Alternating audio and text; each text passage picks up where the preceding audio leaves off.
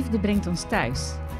En onderweg kunnen we soms van die struikelblokken tegenkomen. En één daarvan is angst.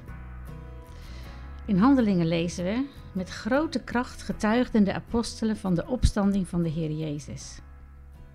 En hoe konden de vroege christenen zoveel vertrouwen hebben terwijl ze in bedreigende omstandigheden waren?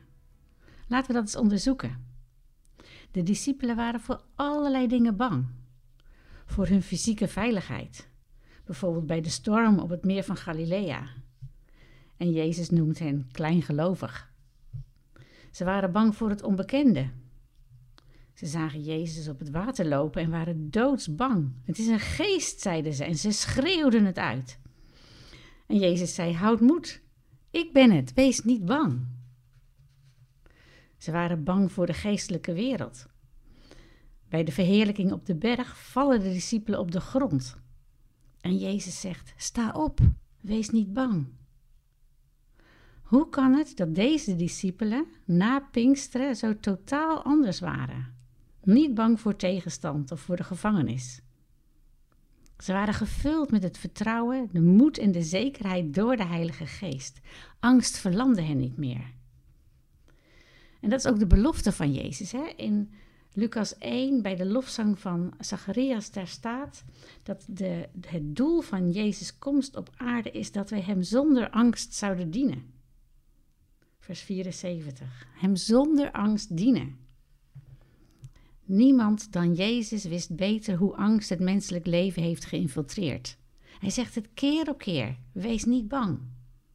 Vanaf het begin, toen de engel Gabriel zijn komst aankondigde bij Maria, was het al: wees niet bang. Tot de instructie van Jezus na zijn opstanding: wees niet bang.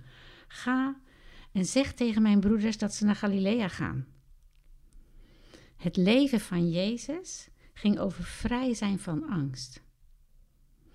En ik weet niet hoe het bij jou is, maar in mijn leven kan angst op allerlei manieren, vaak ongemerkt, een rol spelen. Angst dat iemand iets overkomt die je lief is. Angst dat je faalt. Angst dat er dingen gebeuren die heel anders zijn dan uh, je in je hart hoopt. Angst voor oorlog.